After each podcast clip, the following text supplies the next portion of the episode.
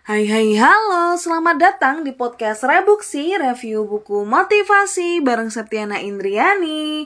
Halo semuanya, ketemu lagi sama aku di podcast Rebuksi pada hari minggu ini. Pada hari ini aku akan bahas salah satu buku motivasi yang berjudul Give and Take Yaitu pendekatan revolusioner untuk meraih kesuksesan.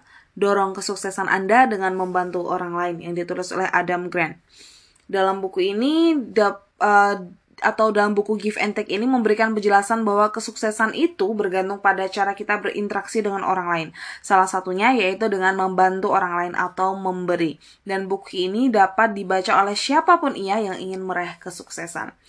kira kira-kira apa aja yang dijelaskan dalam buku ini? Yuk langsung kita bahas di rebuksi. Nah, di sini terdapat beberapa hal yang disampaikan, yaitu bahwa memberi, menerima, dan mengimbangi adalah tiga gaya fundamental dari interaksi sosial.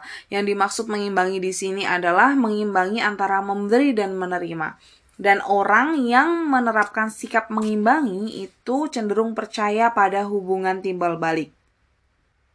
Nah, ketiga sikap interaksi yang sering kita lakukan pada interaksi sehari-hari yaitu memberi, menerima dan mengimbangi tadi adalah gaya fundamental dari interaksi sosial.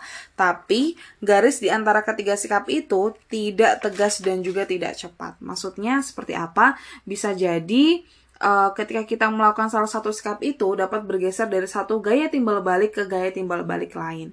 Nah, kemudian Secara profesional, ketiga gaya timbal balik tadi yaitu memberi, menerima dan juga mengimbangi itu ada kelebihan dan juga kekurangannya. Namun di sini disebutkan bahwa ada satu gaya yang lebih unggul dari ketiganya yaitu sikap pemberi.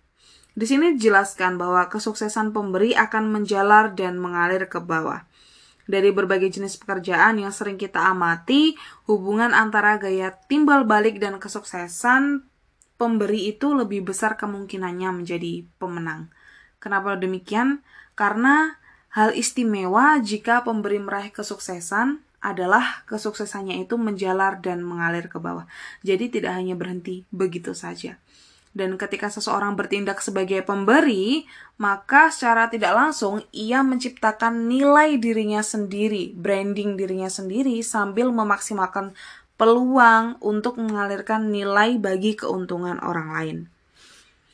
Sebagian besar kehidupan bukan situasi menang kalah. Dan setelah mempertimbangkan semua hal, orang-orang yang memilih sikap memberi sebagai gaya timbal balik primer pasti akan menuai imbalan di kemudian hari, meskipun itu tidak dirasakan secara langsung.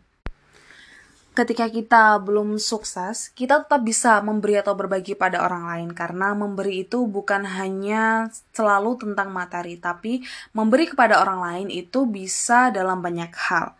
Kemudian pemberi yang bersedia mengorbankan diri akan menemukan banyak wawasan untuk bangkit dari jenjang kesuksesan paling bawah ke jenjang kesuksesan paling atas.